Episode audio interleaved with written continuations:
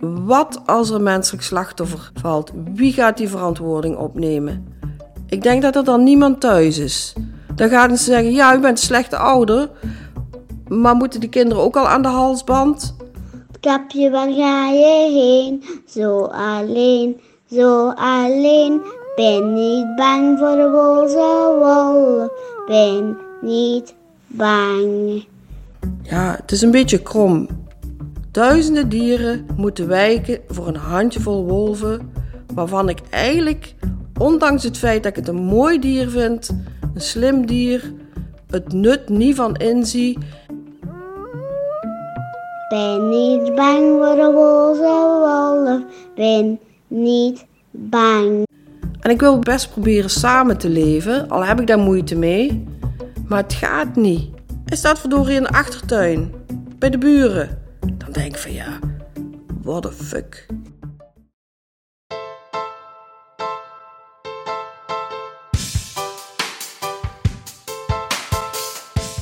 Welkom bij de derde en laatste aflevering van Wild Vlaanderen, een podcast van EOS Wetenschap over de verwildering van de natuur bij ons in Vlaanderen.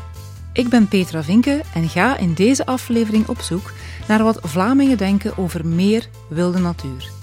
Zijn we klaar voor rewilding? En als dat niet het geval is, hoe kunnen we dat verklaren? Ik vraag het aan Vlamingen zoals jij en ik en aan experten.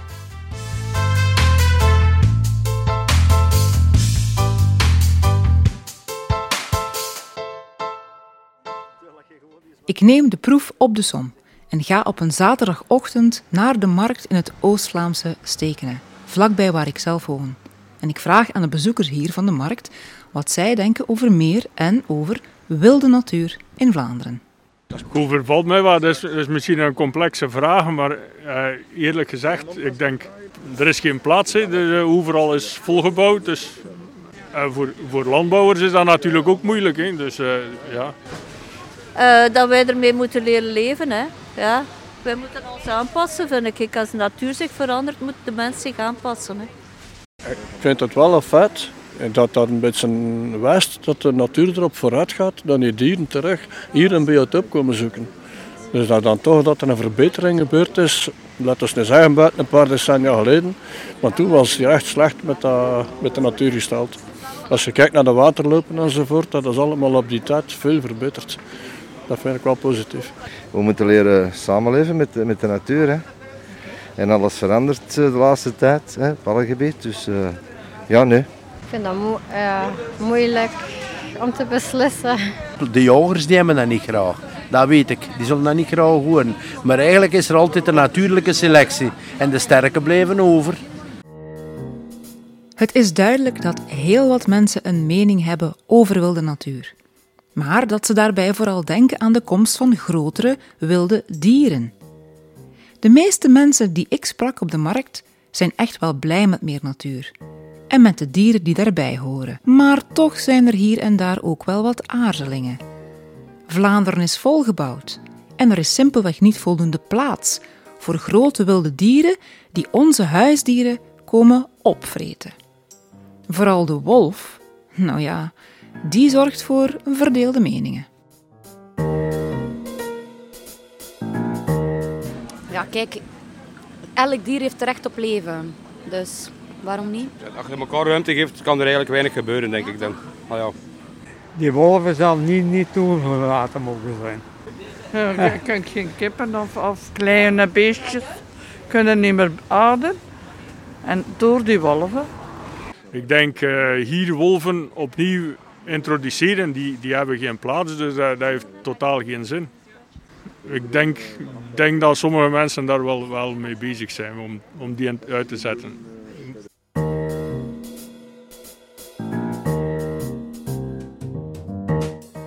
Op bezoek bij iemand die het niet zo begrepen heeft op deze zogenaamde toppredator.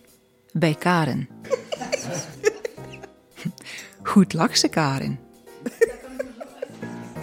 Ze woont in Neerpelt samen met haar man Morris in het hart van het Limburgse wolvengebied en kweekt hier paarden als hobby.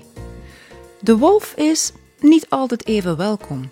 Zeker niet nu Karen binnenkort een veulentje verwacht van haar drachtige merrie. Waarom wil ik graag iets kwijt over de wolf? Wij wonen in een zeer landelijke, mooie omgeving, waar dat het tot op vier, vijftal maanden eigenlijk zeer rustig en fijn vertoeven was. Maar plots, ja, de komst van de wolf, met toch wel desastreuze gevolgen.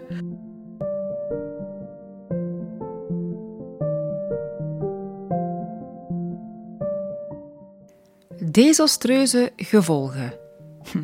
Wat zijn dat dan precies? Karen legt het me uit en vertelt hoe haar man en buurman op een ochtend aangedaan de keuken binnenkwamen. De tweede aanval hebben we het eigenlijk s'morgens vroeg gehoord. Het was overdag, niet eens s'nachts. We hebben een nieuwe buurman en ik dacht nog, God heeft een vervelende hond, die zit zo te huilen. Het was een, heel raar soort, eh, niet direct herkenbaar geluid. En ik dacht, oh, wat is dat toch? Ik het raam open gedaan, al naar buiten gekeken, niks gezien. Toen ging mijn echtgenoot de paarden gelukkig ietsje later die dag naar de wei brengen. En die vond daar een uiteengescheurd schaap. Toen is hij verder gaan kijken, nog een tweede schaap. En het waren echt beelden, ja, die wilt eigenlijk niemand niet zien en die wens je eigenlijk niemand niet toe.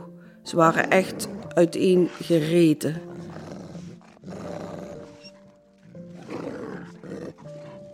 Toen heeft mijn echtgenoot de eigenaar erbij gehaald. Die man is heel erg verdrietig. Die heeft hier zitten huilen aan tafel. Die man is 20, 30 jaar met een bepaalde bloedlijn bezig. Het is een hobby. Die heeft geen kinderen. Hij heeft al drie aanvallen gehad. En ja, nu weg hobby. Voor zijn gevoel weg kinderen. Dat is toch wel voor die man tot op heden nu nog heel traumatisch. De buurman had zijn voorzieningen getroffen. Er stond stroom op de draad rondom zijn weide, maar de wolf is onder die omheining doorgekropen.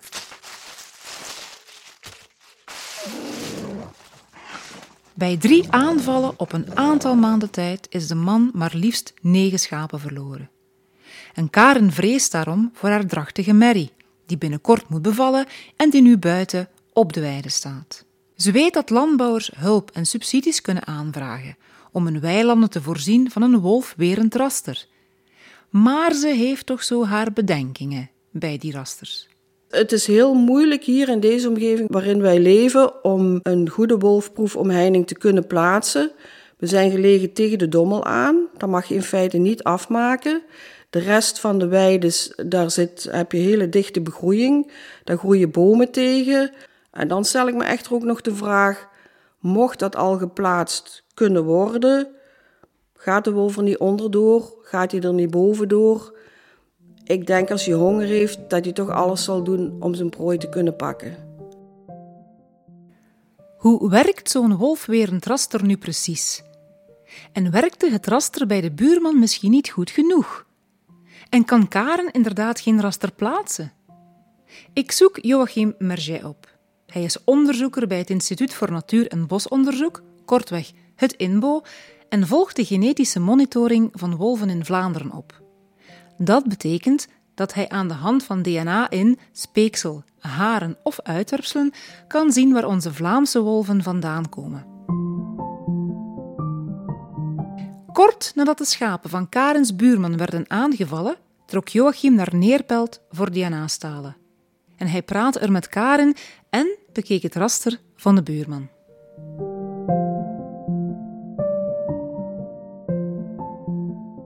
In Wolvenland worden de uitzonderingen overbelicht. zie je wel, ze kunnen wel springen als er een keer een filmpje opduikt van eentje die je over een raster ziet springen. En de, de onvermijdelijke conclusie is dan, wolfwerende rasters werken niet. Terwijl, kijk je naar de algemene trends, dan zie je dat wolfwerende maatregelen heel goed werken. Werkt dat perfect? Nee, maar de wereld is niet zwart of wit. Maar als we nu kijken naar alle mensen die een elektrisch raster hebben geplaatst met het wolf fencing team, ja, daar, daar gebeurt geen enkele aanval meer op schapen. Ehm, en als ze zegt, ja, ze kruipen daaronder, mm, dat kan niet. Een wolf die zijn neus zet aan een elektrisch raster, dat aan de voorschriften voldoet, die krijgt een oplawaai van je welste.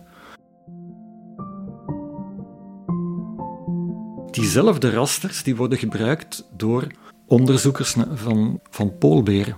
Die gebruiken dat niet om een kudde te beschermen, maar om zichzelf te beschermen, om hun kamp te beschermen. Ja, ze zouden dat niet gebruiken als dat niet werkt. Zo'n poolbeer is ongelooflijk sterk. Die kan daar in principe doorlopen, maar die krijgt zo'n oplawaai, zo'n schok.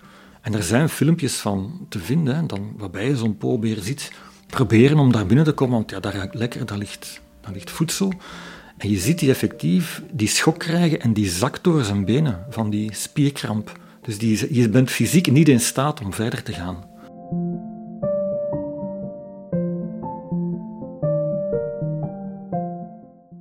Je moet heel goed de instructies volgen. Het is een, er is, er is een, een, handleiding bij die eigenlijk stelt: zo moet je een wolf weer een raster plaatsen. Um, en voor zover ik had begrepen bij haar bezoek, ja, was inderdaad het, de afrastering bij de buurman helemaal niet op die manier geplaatst. Onder meer hè, een stroomdraad aan de binnenkant. Mensen denken heel vaak, ja, ik heb een stroomdraad, want ik heb een stroomdraad om mijn schapen binnen te houden.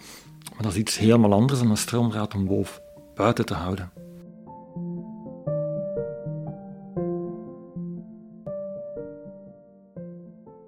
Karen en haar man Maurice hebben samen een berekening gemaakt van wat het zou kosten om hun eigen paardenweide van 3 hectare volledig af te zetten met een wolfwerend raster. En het was toch even schrikken toen ze het bedrag op de rekenmachine zagen verschijnen. Ik heb eens uitgeteld voor een klein stukje af te maken, ongeveer een 50 aren, dat kost ongeveer een 12, 1300 euro. Dus uh, ik denk hier voor de hele wei 4.000, 5.000 euro. Ik heb twee aanvragen ingediend, zijn alle twee afgewezen. Op dit moment zegt men van iedereen krijgt subsidie. Dat is absoluut niet waar. De schitkring is nog niet bekend. Paardachtige tot en met 1,48 meter, die vallen onder de regeling, maar wij niet.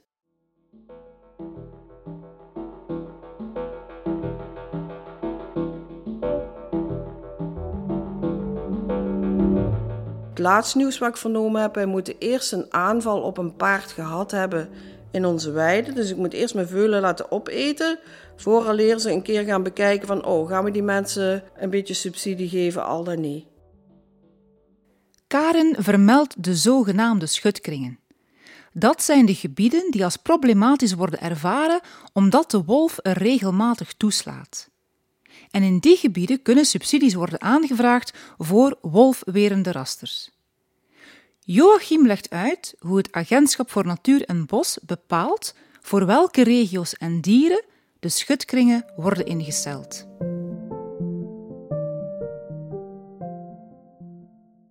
Het Agentschap voor Natuur en Bos hanteert twee criteria voor subsidies. Eentje is voor kleinvee, schapen en geiten en damherten, lama's, soorten die gewoon heel gevoelig zijn voor aanvallen van wolf.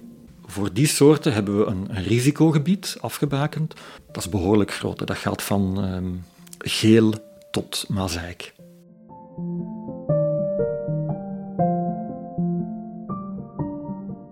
Voor grootvee en paarden geldt een ander criterium, want die zijn gewoon veel minder gevoelig aan die predatie en daarvoor is beslist om te werken met een schutkring tijdelijk wordt afgebakend rond een aanval op uh, een paard of, een rund. Maar voorlopig, momenteel, is er niet eens een schutkring. Dus ze kan er niet binnenvallen.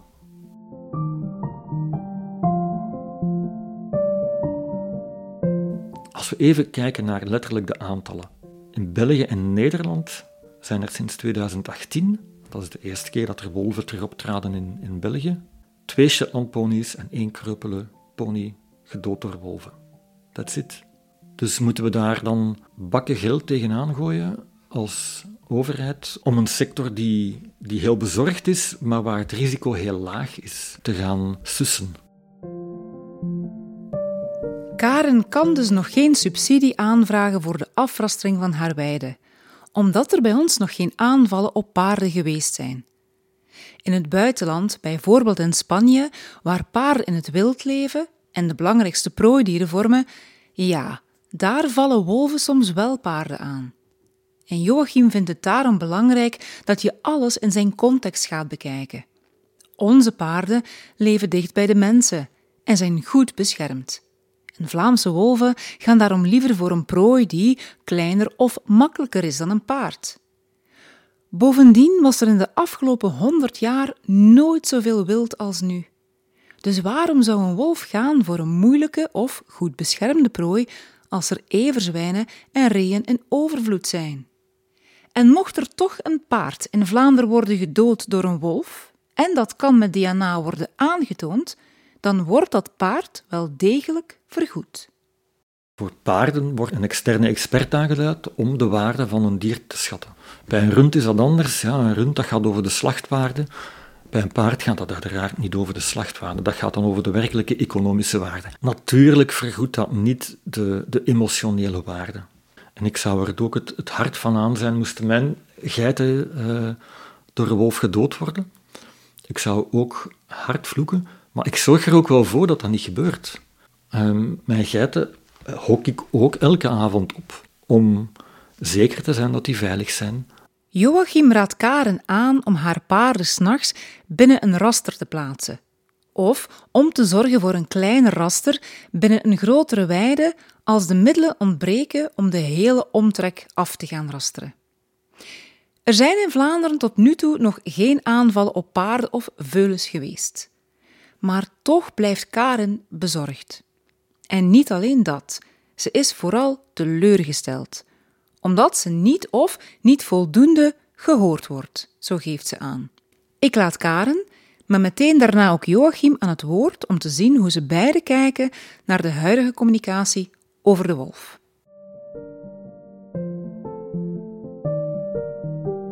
Ik ben met een paar mensen in gesprek gegaan, omdat ik vind als je een goede mening wilt vormen, dat je ook eigenlijk moet kijken in de hersenpan van je tegenstander, als ik het zo mag noemen, om zelf bij te leren en te kunnen zien, kunnen we er wel mee leven? Hoe ziet die wolf in elkaar? Hoe leeft hij? Hoe jaagt hij? Dat waren op zich hele interessante gesprekken. Maar uit die gesprekken, gesprekken bleek wel een beetje van, ja, je moet niet zeuren, de wolf is hier, de wolf blijft hier en leer er maar mee leven. En je kunt lekker niks. Er is in Vlaanderen een zogenaamd wolvenplatform. Daar zitten de belangenorganisaties in vertegenwoordigd. Boerenbond, Algemeen Boerensyndicaat, Hubertusvereniging Vlaanderen, de Schapenhouder, Professionele Schapenhouderij, WWF, Natuurpunt. Dus eigenlijk die belangenverenigingen, die zitten daarin, meerdere keren per jaar, worden die bevraagd of hebben een overleg en evalueren we eigenlijk de toestand en het beleid. Dus via die belangenorganisaties wordt er wel degelijk heel hard geluisterd. Joachim benadrukt dat luisteren van twee kanten zou moeten komen. Zo geeft hij aan dat wetenschappers al meerdere keren uitlegden dat wolven niet teruggestuurd kunnen worden. Want voor je het weet komt er een nieuwe wolf in de plaats. Maar ondanks die uitleg, die keer op keer herhaald wordt in lekentaal, hoort Joachim hoe organisaties of parlementariërs telkens opnieuw dezelfde vragen stellen. Men onderschat heel vaak hoe hard er al over die problematiek is nagedacht. We krijgen vaak het verwijt, ja, hoe kunnen jullie daar nu al enige expertise over hebben? Er zitten amper nog maar een paar jaar wolven. Ja, maar Vlaanderen is geen eiland, hè? Die wolven zitten al twintig jaar in Duitsland. Daar hebben ze die ervaring op gedaan. Hebben ze geleerd wat werkt, wat werkt er niet. Wij bouwen continu verder op, op het onderzoek, niet van één, twee, maar van honderden andere onderzoekers. De oplossingen die werken in het buitenland worden niet letterlijk gekopieerd naar Vlaanderen. Maar er wordt gekeken naar onze typische Vlaamse context. En Joachim vindt het daarom belangrijk om ook de tegenstanders in het wolvendebat te gaan betrekken. Alleen met wederzijds respect kom je tot goede oplossingen. En alleen door blijvend met elkaar in gesprek te gaan, kan je laten zien welke oplossingen wel en niet werken. Wat Karen vooral niet begrijpt, is waarom wolven zoveel bescherming moeten krijgen. Ja, het is een beschermde diersoort, dat weet ze ook wel. Maar soms lijkt het alsof wolven belangrijker zijn dan andere dieren. Of zelfs mensen.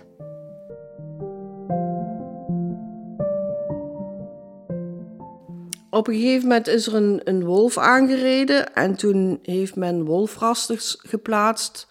En ik geloof ongeveer dat een, ongeveer een 800.000 euro gekost heeft. En dan denk oh my god, wat moeten de mensen denken die familie of kinderen verloren hebben in een accident? Er zijn heel veel dodelijke kruispunten of waar de stoplichten niet werken. Er wordt drie, vier jaar later pas geschakeld. Er verongelukt één wolf en er wordt onmiddellijk 800.000 euro tegengegooid. De afrastering waar Karen het over heeft, kost inderdaad 800.000 euro en loopt over een traject van 5 kilometer tussen Genk en Oudsbergen. Joachim legt me uit hoe de vork precies aan de steel zit. Kijk, de vergelijking met de zwarte verkeerspunten. Dat zijn twee zaken die niets met elkaar te maken hebben. Dat verkeersveiligheid moet primeren, tuurlijk. De redenering klopt niet eens. Het ecoraster op de N76, waarvan sprake, dat stond al op de beleidsagenda voor alleer er van wolven sprake was in Limburg. En dat dient om de doorgang van het verkeer veiliger te maken. Want elke aanrijding met een everzwijn, dat is een, dat is een auto die per totaal is. Dat is een mens die misschien een, een zwaar accident heeft gehad. Dat is de reden waarom dat ecoraster er staat. 800.000 euro voor verhogen van verkeersveiligheid. Om het risico met overstekend wild te verlagen. En de grootste oorzaak van, van ongelukken daar zijn everzwijnen.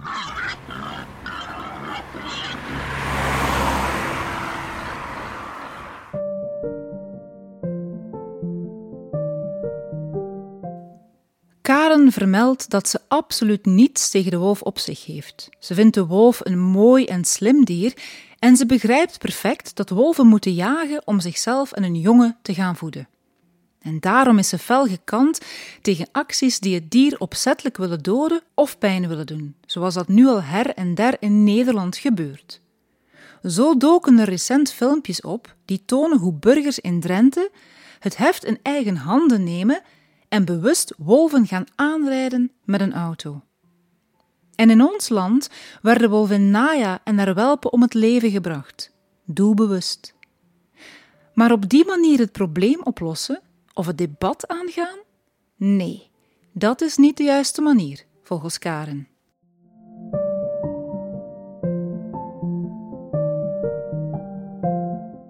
Ik keur eigenlijk bepaalde uitspraken op Facebook of waar dan ook heel erg af, omdat ik vind de wolf kan er zelf niks aan doen. De wolf heeft honger, die heeft voedsel nodig, dat is een jager. Het is de fout van de mensen die hem eigenlijk hier neergezet hebben of die gedacht hebben: oké, okay, laat ze maar hierheen komen. Maar ik keur bepaalde handelingen van mensen om de wolf zelf iets aan te doen. Daar sta ik absoluut niet achter, omdat de wolf naar mijn gevoel zelf geen fout heeft. Ik zou het liefst hebben van vang ze op een of andere manier en verplaats naar een omgeving waar ze wel naar hartelust kunnen jagen en waar wel voldoende voedsel is. Maar blijf in hemelsnaam van de huisdieren en van het vee van de burger af. Ik hoor Karen het woord neergezet gebruiken. Denkt ze dan dat de wolf hier bewust werd uitgezet door bepaalde groepen of mensen met bepaalde belangen? Hm, ik besluit het haar te vragen. Ja, daar heb ik een beetje een gedeelde mening over, omdat ik denk niet dat de wolf zelf hierheen is gekomen. Misschien in een busje met halsband en chip, maar niet te voet. Want hij moet door meren, rivieren, viaducten. Ze kunnen misschien van Nederland naar Duitsland of België lopen, maar helemaal uit Polen of Spanje of wat dat ze ook allemaal zeggen. Ik denk dat dat heel moeilijk is. Plots is er een mannetje en dan plots is er een vrouwtje en plots komen er jonkies. In één keer zijn ze gechipt en ze hebben een halsband aan. Ja, dan denk ik bij mijn eigen, ja oei, wat is dit allemaal? Karen is voorzichtig en ze wikt en weegt haar woorden. En helemaal zeker dat de wolf bewust is uitgezet, is ze niet. Ze heeft geen bewijs dat dat gebeurde, maar ze denkt er toch het hare van. Ik pols naar wat Joachim hierop te zeggen heeft. Dat is een schoolvoorbeeld van een complottheorie. We hebben één wolf met een GPS-halsband gehad, een wolvin Naya. Die naam hebben wij trouwens niet gegeven. Dat was een, een Duitse onderzoeker, Norman Stier, die in opdracht van de Duitse Hoge Jachtraad een project had om te onderzoeken in welke mate dat wolven een impact hebben op damherten. Die is gevangen als wulp van een maand of zes, heeft dan die zender gekregen en dan is die vertrokken op zoek naar een eigen leefgebied. En het is net aan de hand van die halsband dat we in heel groot detail het tracé kennen, dat we weten hoe dat die tot hier is gekomen. En net dat wordt dan gebruikt als argument om te zeggen: kijk, ze zijn uitgezet. Het beste bewijs dat ze hier vanzelf is gekomen, is net die GPS-halsband.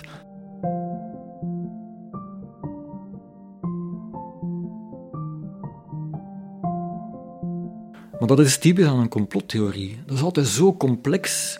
En dat moet dan geheim gehouden kunnen worden door honderden mensen die allemaal betrokken zijn in het, in het complot.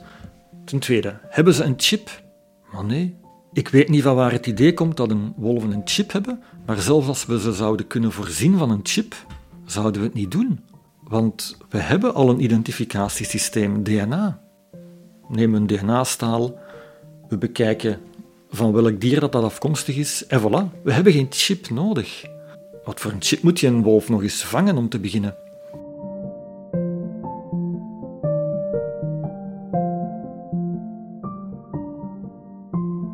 Ja, met, met 2000 wolven in de buurlanden, wie gaat er zich dan nog bezighouden met een wolf vangen en uitzetten?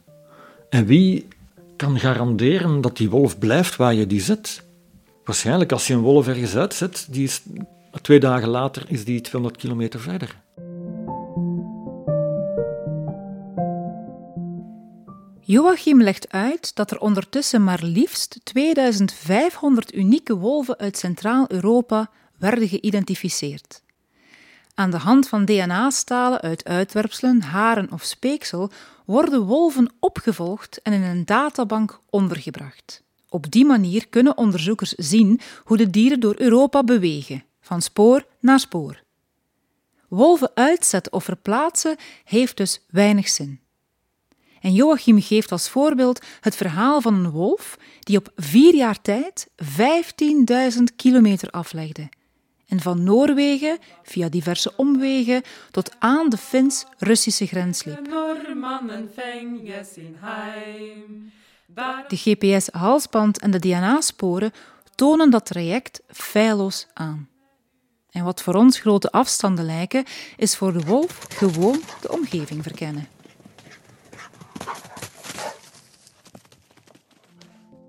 Ik ben best benieuwd naar hoe Karen aankijkt tegen de toekomst.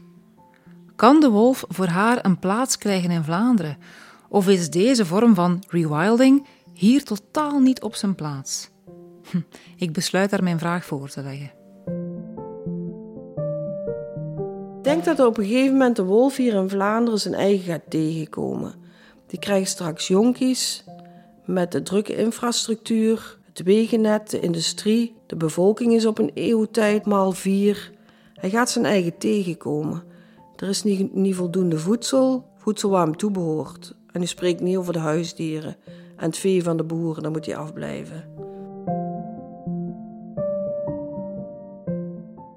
Het is te klein, er zijn geen mogelijkheden. Waar wel, dat weet ik niet, daar ben ik niet in gespecialiseerd. Maar ze moeten gewoon uitgestrekte vlaktes hebben, grote gebieden, waar ze kunnen jagen, zich hun eigen kunnen voorplanten, waar ze op een aangename manier kunnen leven maar niet hier in Vlaanderen. Dat is te klein. Dit kan niet goed blijven gaan. Ik stel Joachim dezelfde vraag. Hoe kijkt hij als wetenschapper naar de toekomst van wolven in ons land?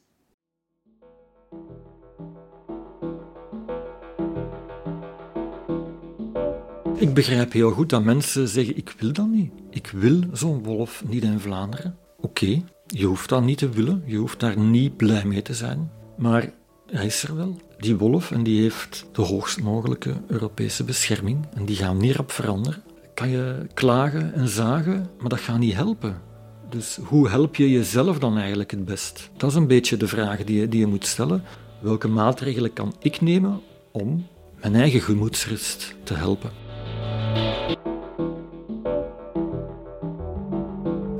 Er sijpelen continu wolven binnen België vanuit de buurlanden. En je moet rekenen, we zitten met 150 roedels in Duitsland, een dikke 100 roedels in Frankrijk. Duitse, Franse, Italiaanse, Poolse wolven, die zenden hun zonen en dochters uit. En ja, natuurlijk zijpelt er dan af en toe eentje hier, hier binnen. Ik kan daar tegen zijn, ze gaan blijven komen.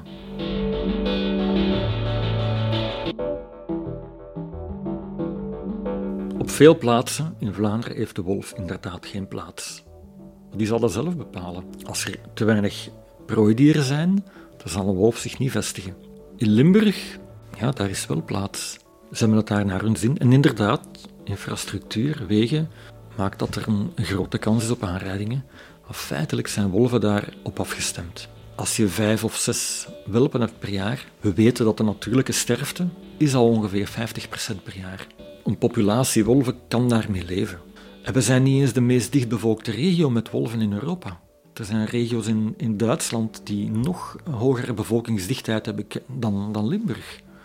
Dus horen die wolven hier? Wel, volgens die wolven zelf wel.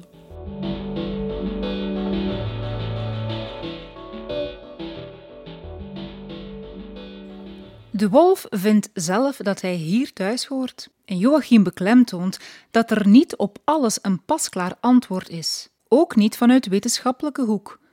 Soms moeten ook onderzoekers de kat uit de boom leren kijken. En soms moet je kijken hoe erg de bluts is en hoe erg de buil. Een zware investering kan, maar moet altijd worden afgewogen tegenover het risico. Zo zijn er momenteel een paar duizend runderen per jaar die sterven door zwerfvuil dat zorgt voor een dodelijke ontsteking van de maagwand. En er zijn amper runderen die worden aangevallen door een wolf. Maar daartegenover staat de emotionele stress van een landbouwer die zijn dieren graag veilig wil zien. Er moeten dus vaak lastige keuzes worden gemaakt. En samen naar een draagvlak gaan voor de wolf en alle partijen aan het woord laten, of ze nu voor of tegen zijn, is voor een wetenschapper als Joachim essentieel. Kapje, waar ga je heen? Zo alleen, zo alleen. Ben niet bang voor de boze wolf. Ben... Oh ja, een wolf die mensen eet? Joachim geeft aan dat er in Europa 17.000 wolven zijn. De helft daarvan woont relatief dicht bij mensen. En er zijn amper incidenten met mensen geweest. En al helemaal geen dodelijke incidenten. Zijn er toch problemen, dan is dat vaak omdat mensen wolven hebben gevoederd. Op die manier geraken wolven net iets te goed gewoon aan mensen als leveranciers van voedsel. Wolven voederen of hen gaan zien als knuffeldieren, dat is geen goed idee. Maar zoeken naar een maatschappelijk draagvlak daarentegen en alle partijen aan het woord laten, of ze nu voor of tegen zijn, dat is wel een goed idee.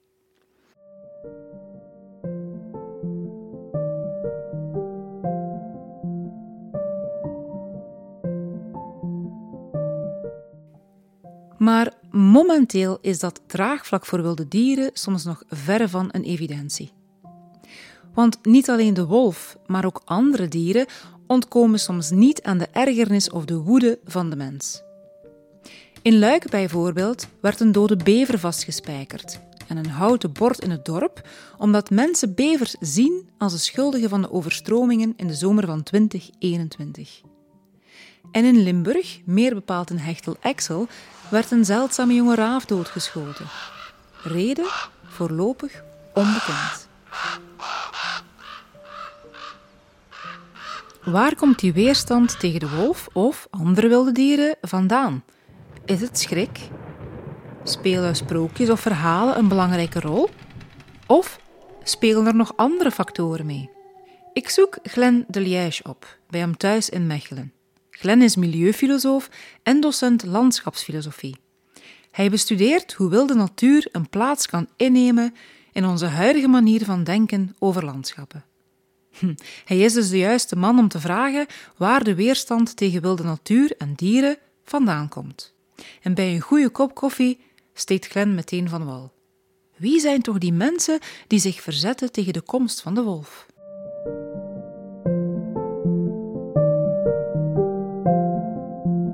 Als je gaat kijken naar het verhaal van de wolf in Vlaanderen, dan zie je heel hard welke groepen van mensen protesteert daar. We zien daar hobbyboeren, maar we zien daar ook andere boeren die vaak het gevoel al hebben dat ze onder druk staan voor allerlei redenen. Meer milieuwetgeving, ehm, ze voelen zich niet noodzakelijk gerepresenteerd door de regering. Ze aanvaarden niet noodzakelijk de kennis, de wetenschappelijke kennis die er bestaat rond die dieren. Want ze zeggen, ja, wij staan met onze voeten in de praktijk. Die wetenschappelijke kennis is allemaal abstract, kennen het terrein niet enzovoort enzoverder. En zij ervaren die wilde natuur, die wolf die erbij komt, dan als een extra last. Vaak misschien als de druppel die de emmer doet overlopen. Typisch voor rewilding en de grote dieren die daarbij horen, is dat een bepaalde maatschappelijke groep zich gemarginaliseerd gaat voelen. Meer wilde natuur is voor deze mensen vaak gewoon, ja, van het goede te veel. En dat verklaart volgens Glen ook de doodgeschoten raaf en de vastgespijkerde bever. Als een soort boodschap van tot hier en niet verder met die natuur. Glen graaft dieper en hij legt mij uit hoe een andere landschapsbeleving vaak aan de oorsprong ligt van heel wat negatieve gevoelens. En dat gebeurt niet alleen bij ons in Vlaanderen. Het gaat altijd over het idee van dit is een wilde natuur die terugkomt. Dit is een andere landschapsbeleving, een andere manier van natuurbeleving, die botst met de onze, die ja, een dreiging, een druk, een bedreiging vormt voor de manier waarop dat wij in het landschap staan. Ehm, dus ook daar speelt weer hetzelfde. Het gaat niet zozeer noodzakelijk over de reëel gevoelde of de reële schade en de reële overlast die er ontegensprekelijk is. Maar het gaat eerder over die clash van wereldbeelden, die clash van verschillende visies op natuur. Daar gaat het eigenlijk over, denk ik.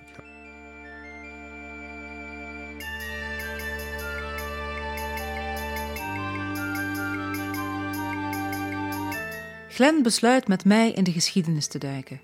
Want hoe wij vandaag kijken naar natuur en onze visie daarop bepalen, dat heeft te maken met hoe onze voorouders natuur beleefden. Een stukje geschiedenisles om alles beter te kunnen begrijpen is dus best op zijn plaats hier.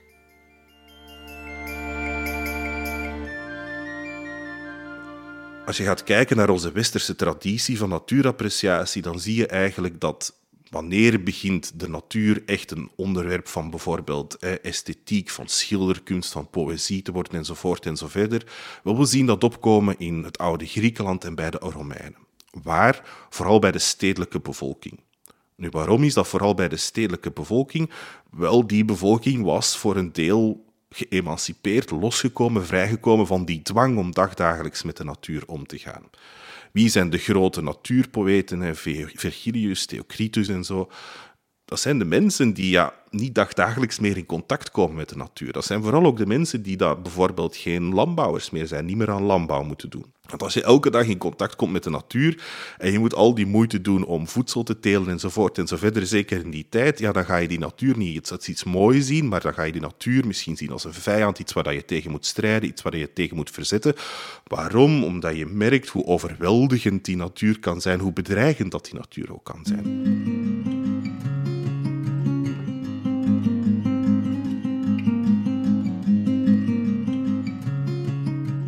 Vanaf het moment dat je in de stad woont en dus niet meer afhankelijk bent van de landbouw of daar zelf niet rechtstreeks meer bezig bij bent, ja, dan ga je die, dat dagelijks contact, die dagelijkse strijd met de natuur ook niet meer waarnemen, niet meer ervaren. En ga je de natuur kunnen zien als iets mooi, als iets prachtig, als iets harmonieus.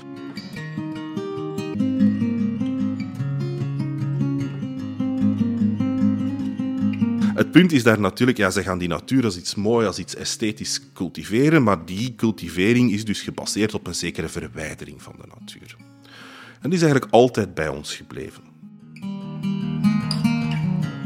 Glen legt me uit hoe de brave plattelandscultuur tot laat in de middeleeuwen werd gezien als het ideaal. En de echte wilde natuur daarbuiten, die was bedreigend. En reizen van plaats A naar B was in die tijd een bijzonder gevaarlijke onderneming. Denk maar aan het nummer Doderit van doctorandus P. De donkere gedaanten zijn bijzonder vlug ter been. Ze lopen op vier poten en ze kijken heel gemeen. Ze hebben grote tanden, dat is duidelijk te zien. Het zijn waarschijnlijk wolven en kwaadaardig bovendien. De donkere bossen zaten vol mysteries en de open landschappen vol gevaren. De plattelandscultuur daarentegen, die bleek veilig te zijn en onder controle. Want daar was aan geschaafd door en voor de mens. En Glen legt me uit hoe een en ander pas begint te veranderen vanaf de late middeleeuwen.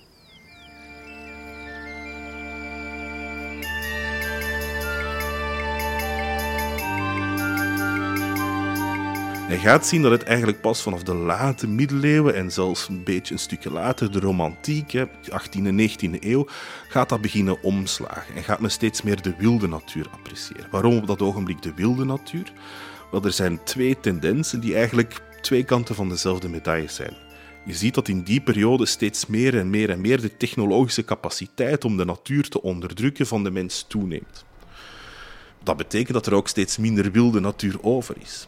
En waar dat vroeger de mens kwetsbaar leek ten opzichte van die grote wilde natuur buiten, begint dat om te draaien. Plots lijkt die natuur kwetsbaar ten opzichte van de mens. Dat is een eerste element.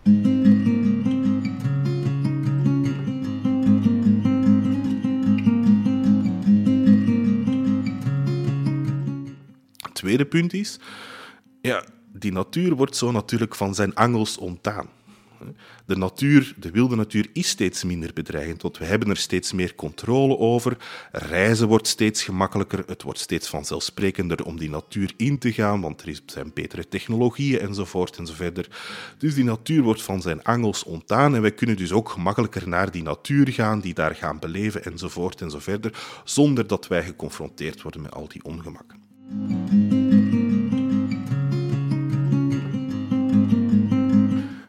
Dat maar gaan nakijken in de geschiedenis bijvoorbeeld van, van het natuurbehoud. Wat zijn de eerste grote natuurreservaten? Hier dichtbij, Kalmthoutse Heide, vanaf het ogenblik dat er een treinstation open gaat. Zoniumwoud, dicht bij Brussel. Fontainebleau, bij Parijs, ook opnieuw vanaf het ogenblik dat er een treinstation open gaat. Waarom? Vanuit de grote stad gemakkelijk te bereiken, gemakkelijk te bereizen. Mensen kunnen er gemakkelijk naartoe en s'avonds ook terug comfortabel naar de stad keren.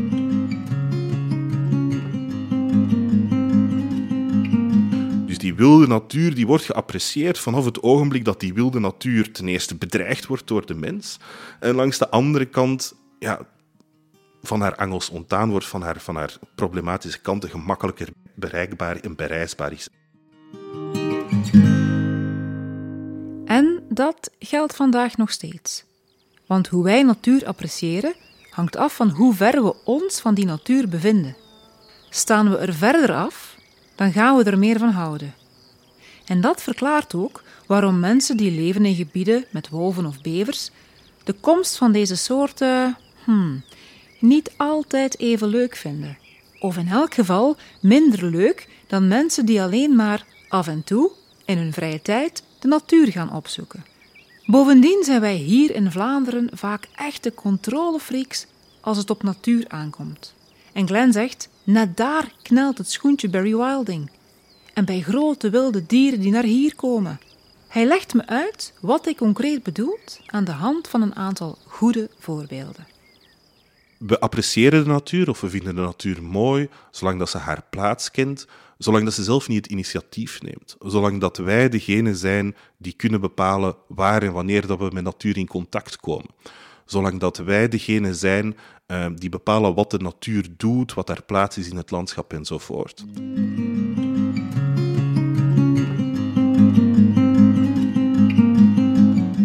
Ik heb daar rond een anekdote um, van uh, een vriend, of beter gezegd de broer van een collega, die in de Rocky Mountains woont in Canada. Een aantal jaar geleden, dus wel tien jaar geleden ondertussen, denk ik, was ik daar op bezoek voor een conferentie. En die woont in een, wat ze noemen een ski bum town, dus een, een mini-stadje in de Canadian Rockies waar mensen in de zomer werken en in de winter gaan skiën. En die zei op een gegeven ogenblik, ja, heel de herfst lang is er een zwarte beer komen slapen op het dorpsplein. Oké, wat doe je precies als een zwarte beer komt slapen op het dorpsplein? Ah, je gaat een tijdje niet meer naar het centrum van het dorp. Wat zit daarachter volgens mij? Het idee van, kijk, als een zwarte beer langskomt, ja, ik kan daar niks aan doen. Die gaat slapen waar hij wilt en als hij daar er is gaat slapen, ja, dan moet je daar rekening mee houden en dan loop je daar rond.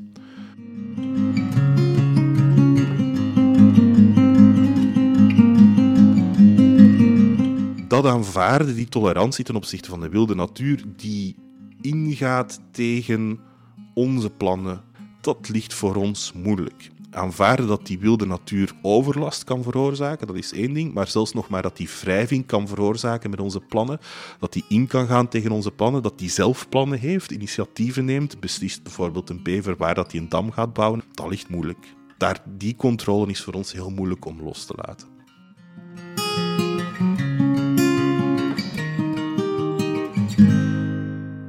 Ik vind wat Glenn vertelt bijzonder interessant en eerlijk, hm, soms ook best herkenbaar. Want voorbeelden van het willen controleren van de natuur, die vind je werkelijk overal. Misschien zelfs wel in dat kleine natuurgebiedje bij jou om de hoek. Zo vertelt Glenn me hoe onlangs een natuurvereniging een knuppelpad aanlegde, zodat de mensen zonder modder aan hun schoenen konden gaan kijken naar de bloeiende dotterbloemen. Hij moet erom lachen. Want mensen willen wel natuur, maar dan zonder last, zonder modderige schoenen en met alle comfort. Natuur gekneed naar de wil en het comfort van de mens. En de drang naar controle, die wordt groter naarmate de dieren groter worden, zo zegt hij. We zijn dat niet meer gewoon om in het landschap om te gaan met dieren die op grote schaal, op relatief grote schaal, bepaalde ecologische processen in gang zetten size does matter in dit geval. De terugkeer van de wolf is niet zoals de terugkeer van de vos bijvoorbeeld. Ecologisch gezien is dat natuurlijk compleet parallel. Maar het effect die een vos heeft op een landschap is veel kleiner dan het effect die een wolf heeft op een landschap. de manier waarop een bever een, een, een, een, beekvallei kan naar zijn hand zetten, is, is op veel grotere schaal dan muskusratten dat doen, of, of beverratten. Hè. Size does matter in, in, in dat geval. Zowel voor, laten we zeggen, lokale bewoners, boeren, maar niet alleen, ook jagers, plattelandsgemeenschappen, maar ook, en dat is toch wel belangrijk om in te zien, de natuurbeheerders. Ook zij moeten opnieuw leren omgaan met die dieren. Ook zij moeten leren wat het betekent om hun plannen bij te stellen aan de hand van de initiatieven die die dieren nemen in het landschap.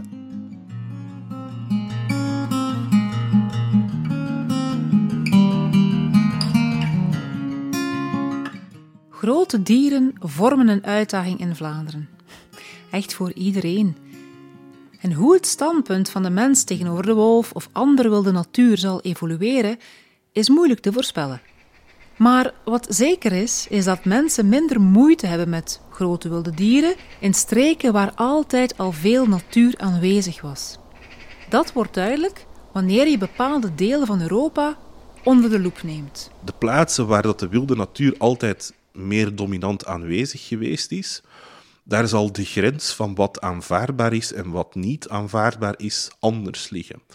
Plaatsen waar de wolf nooit uit het landschap verdwenen is, hebben over het algemeen misschien meer tolerantie voor de ongemakken die dat de wolf met zich meebrengt. Wat niet betekent dat dat plaatsen zijn waar dat er harmonieus samengeleefd wordt met de wolf, alleen dat er meer tolerantie is voor de ongemakken die dat ermee gepaard gaat. Bijvoorbeeld, er zijn studies uit Spanje die heel duidelijk aangeven, ja, plaatsen waar die wolf nooit verdwenen is, daar zijn ze het nooit verleerd van wolfshonden te houden, daar zijn ze het nooit verleerd van hun schapen s'nachts uh, op te hokken enzovoort en zo verder.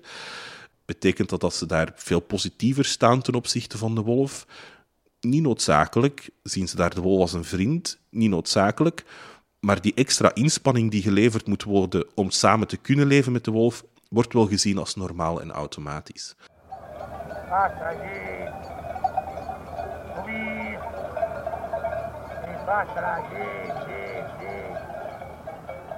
in een context waar die natuur terugkomt, lang weg geweest is, die wilde natuur waaraan je je moet aanpassen, daar worden al die maatregelen natuurlijk wel gezien als een extra last.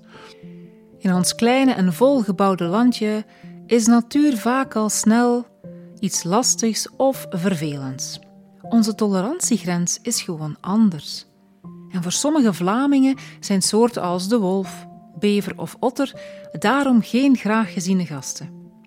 Ik vraag Glen wat er dan echt nodig is om mensen de wilde natuur te laten appreciëren en te omarmen. En in het geval van de wolf, wat moet er gebeuren om de voor- en tegenstanders, laat ons ze even zo noemen, met elkaar te verzoenen? Ik vind dat een heel moeilijke vraag om te beantwoorden. Wat ik denk dat een fout geweest is, en ik gebruik dat woord niet graag, maar toch wat ik denk dat een fout geweest is, is de terugkeer van de wilde natuur te rooskleurig voorstellen. Dat is denk ik een basisfout die we elke keer opnieuw maken. Samenleven met wilde natuur is niet gemakkelijk. Dat geldt voor de wasbeer in de tuinen van mensen. Het geldt op een zeer bazaal niveau met de ratten die naar vuilnis komen. Dat is niet gemakkelijk, dat is niet aangenaam. En die problemen worden groter als de dieren groter worden en de impact die ze op landschapsschaal hebben groter wordt. Daar zal vrevel en spanning bij gepaard gaan. En het geeft geen pas of het is geen goede strategie om die spanning en die vrevel te ontkennen. Dus wanneer we zeggen van we moeten geen schrik hebben dat de wolf terugkomt naar ons landschap, nee, wellicht niet. Een grote bedreiging voor ons vormt die zeker niet. Maar de onderliggende boodschap moet wel zijn van kijk, daar zit een toppredator nu in ons landschap, die op grote schaal met ons landschap aan de slag gaat. En dat gaat voor vrevel en voor spanningen zorgen. En we moeten ons daarop voorbereiden. En we moeten vooral niet in de val lopen te zeggen van ja, iedereen een bepaald rooskleurig beeld voor te houden. Waarbij dan mensen zeggen, maar de realiteit lijkt eigenlijk helemaal niet zo gemakkelijk. Waardoor dat je dan een backlash krijgt. En een, misschien een veel groter protest dan oorspronkelijk het geval was. De komst van de wolf werd te rooskleurig gebracht. En dat protest waar Glenn het over heeft, dat kende zijn hoogtepunt toen in het najaar van 2021 een jonge boer in het Limburgse Meeuwen een grote fakkeltocht organiseerde tegen de wolf.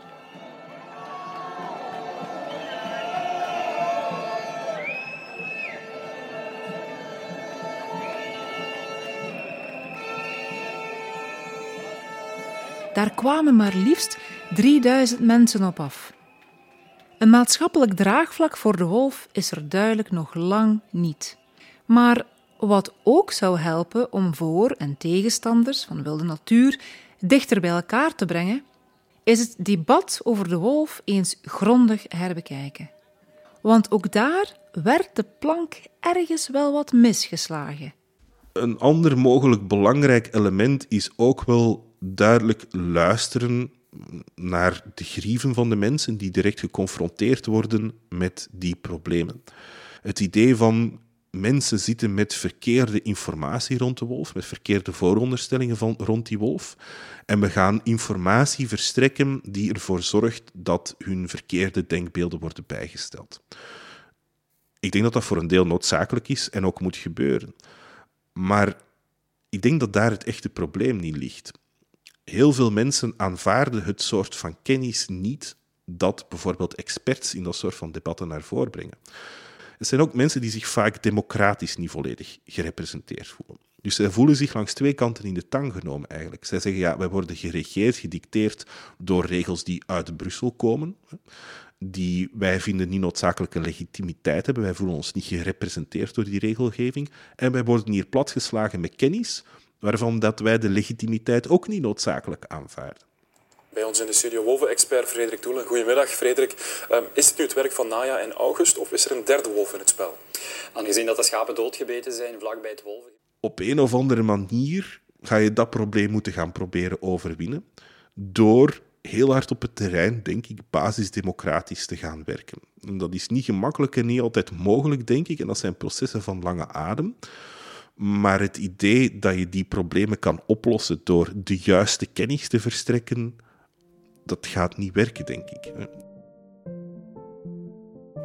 Rewilding in Vlaanderen hm, en grote wilde dieren die Vlaanderen ontdekken, het is duidelijk nog geen evidentie. En pasklare antwoorden bij problemen die opduiken, ja, die ontbreken momenteel vaak. Rewilding zal daarom pas echt aanvaard worden wanneer mensen hier inzien dat wilde natuur vooral voordelen oplevert. En zelfs de wolf heeft een meerwaarde, al is die voor heel wat mensen momenteel nog onduidelijk. Een wolf zorgt als toppredator voor een beter ecologisch evenwicht in onze natuur. Hij eet reeën en everzwijnen en vermijdt op die manier onder andere vraatschade in de land- en tuinbouw. Een draagvlak creëren voor de wolf, maar ook voor andere vormen van wilde natuur, het worden stevige uitdagingen voor de toekomst. Wordt dus vast en zeker vervolgd.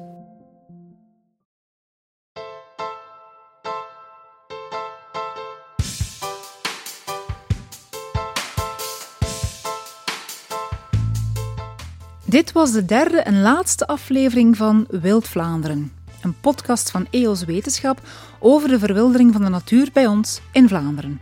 Bedankt voor het luisteren. En vond je de podcast interessant? Beluister dan zeker ook de andere afleveringen. Aflevering 1 gaat over wat wilde natuur voor Vlaanderen kan betekenen dat er in Vlaanderen enorm fantastische dingen te vinden zijn. Alleen al aan onze kust bijvoorbeeld zijn er gebieden die enorm bloemrijk zijn, die echt fantastisch zijn.